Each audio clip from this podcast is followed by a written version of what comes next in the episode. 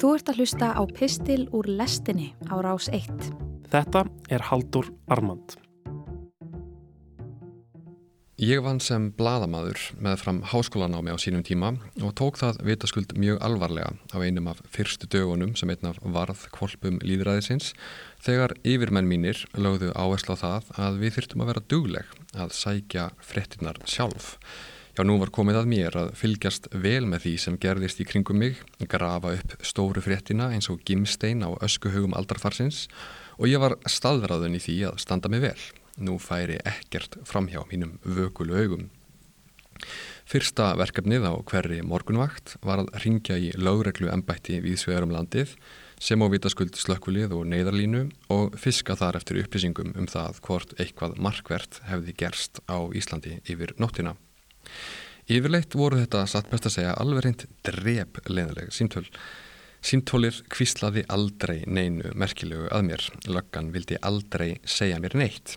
Þau heyrðu á mér að ég var bara einhver strákgemlingur sem þau tóku ekki alvarlega og nendu ekkert að tala við. Já, góðan daginn, uh, Haldur heit ég, uh, bladamadur hérna. Ég er að ringja til þess að kanna hvort það sé eitthvað að frétta frá ykkur frá því nótt. Já, nei, væni minn, það er ekkert að frétta hérna.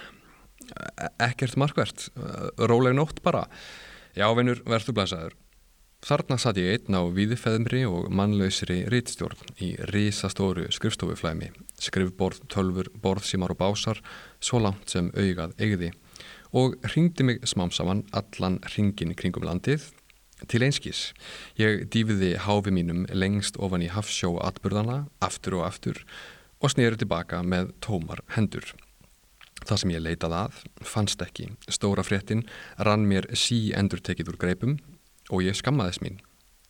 Ekki leið og löngu þar til ég var farin að vita það fyrirfram að ringferðir mínar gegnum símtólir myndu engu skila.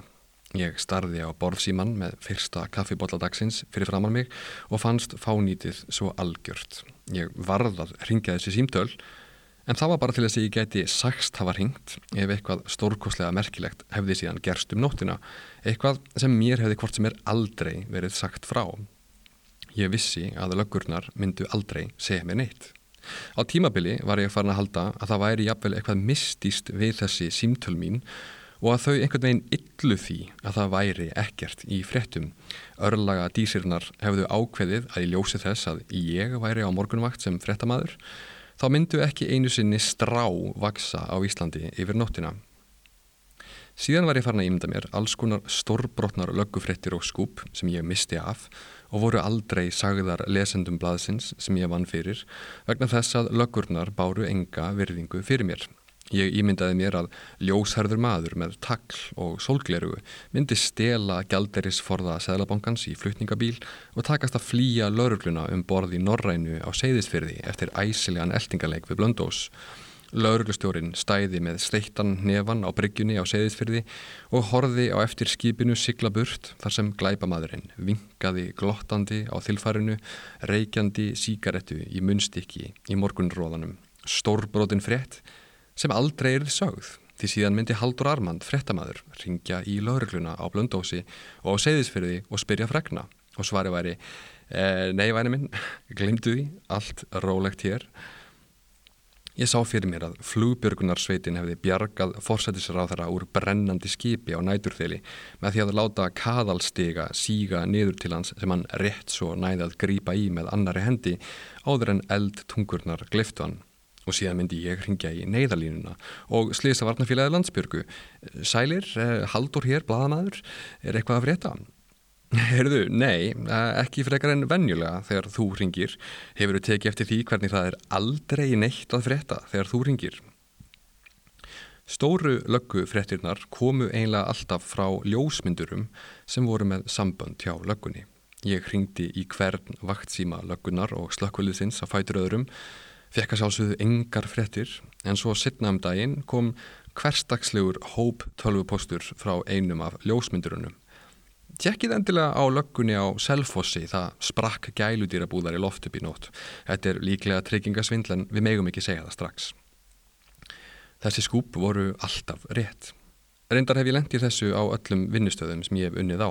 Það er alltaf einhver annar á vinnustanum sem vinnur við eitthvað allt annað en ég sem er betri í því sem ég á að gera en ég sjálfur. Það var síðan á lögardagskvöldi sent í júli sem ég var á leiðinni í afmæli í miðbæ Reykjavíkur. Þegar ég arkaði inn á klambartúnið sá ég dökkan reik stíga til himins í fjarska á túninu. Ég pýrði augun og sá þá eldtungur stíga til himins á sama stað. Þarna stóð ég, ungur bladamadur sem enginn vildi tala við og sá eld í gardinum. Ég ímyndaði mér að kannski myndi túnið allt brenna til kaldra kóla. Það væri einhvern veginn til að fullkomna niðurlægingu mína í fjölmiðlastjætt ef klambra tún allt er það ösku og að ég hefði meira að segja orðið vittni að því en samt einhvern veginn mist af skúpinu. Sjálf Rómarborg gæti staðið í björtu báli fyrir fram að nefið á mér og samt myndi mér einhvern veginn takast að fá ekki fréttina. Ósárátt veit ég síman úr vasanum og ringdi í neyðarlínuna. Það er eldur laus á, á klambratúni, þið, þið verðið að senda slökkvölið hingað í kvelli áður nýtla fer. Síðan gekk ég narreistur yfir yðagrænan völlin og kom stoltur í afmælið.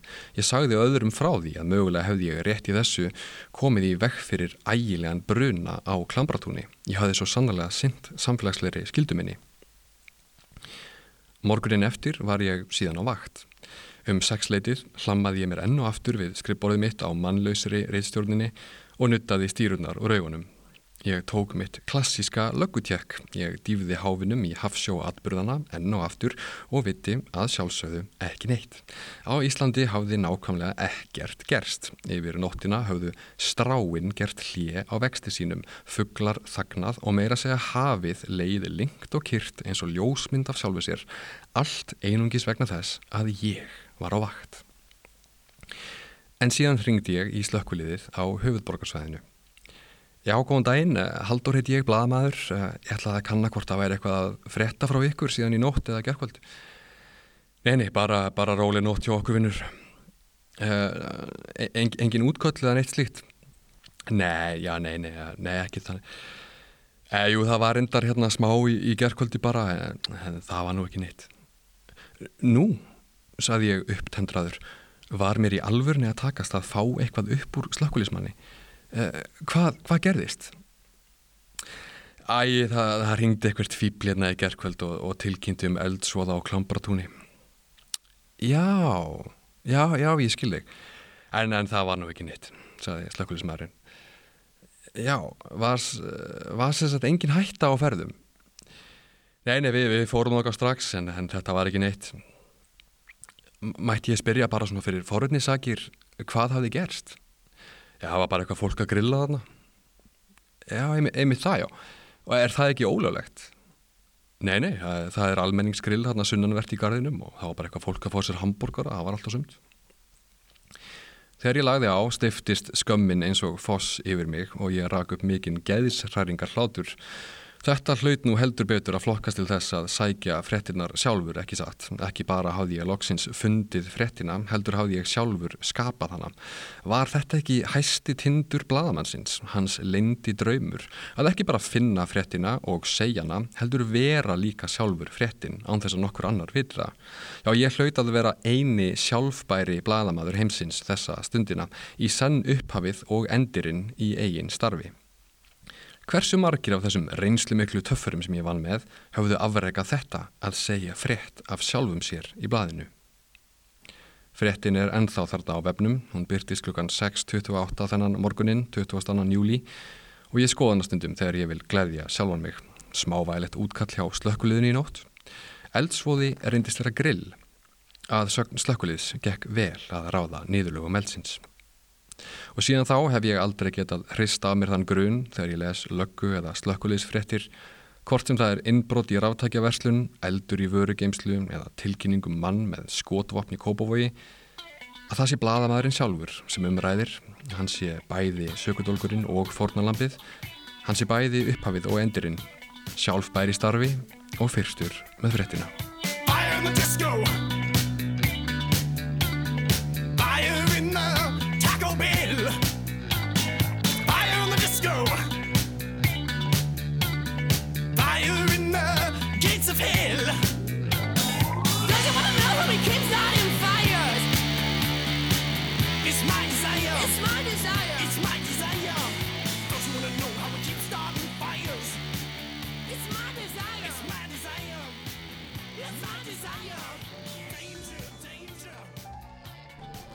Þú varst að hlusta á Haldur Armand, nýr pistill frá Halduri, hljómar á hverjum þriðu degi í lestinni á Rás 1. Ef þú fílaðir þennan pistil og vilt heyra meira, getur gerst áskrifandi að lestinni hér í hlaðvarpsappinu þínu. Meðal annars efnis í lestinni þessa vikuna voru tölvuleikir, Teimin Pala, kvikmyndaháttíðin í Berlín, stefnumóta þættirnir Love is Blind, gæludýra tískusýning New York borgar og húðflúr til minningar um látna ástvinni. Þú þurftir eiginlega bara að sjá hann, þá varstu eiginlega bara svona að brosa. Veist, hann var alltaf með góðaskapið og hann var alltaf hress og það var alltaf tónlist í kringum hann. Fáránlega klár, get ég sagt líka, eða svona óþálandi klár og hérna hugmyndaríkur en ótrúlega góður. Rás 1 fyrir forvitna.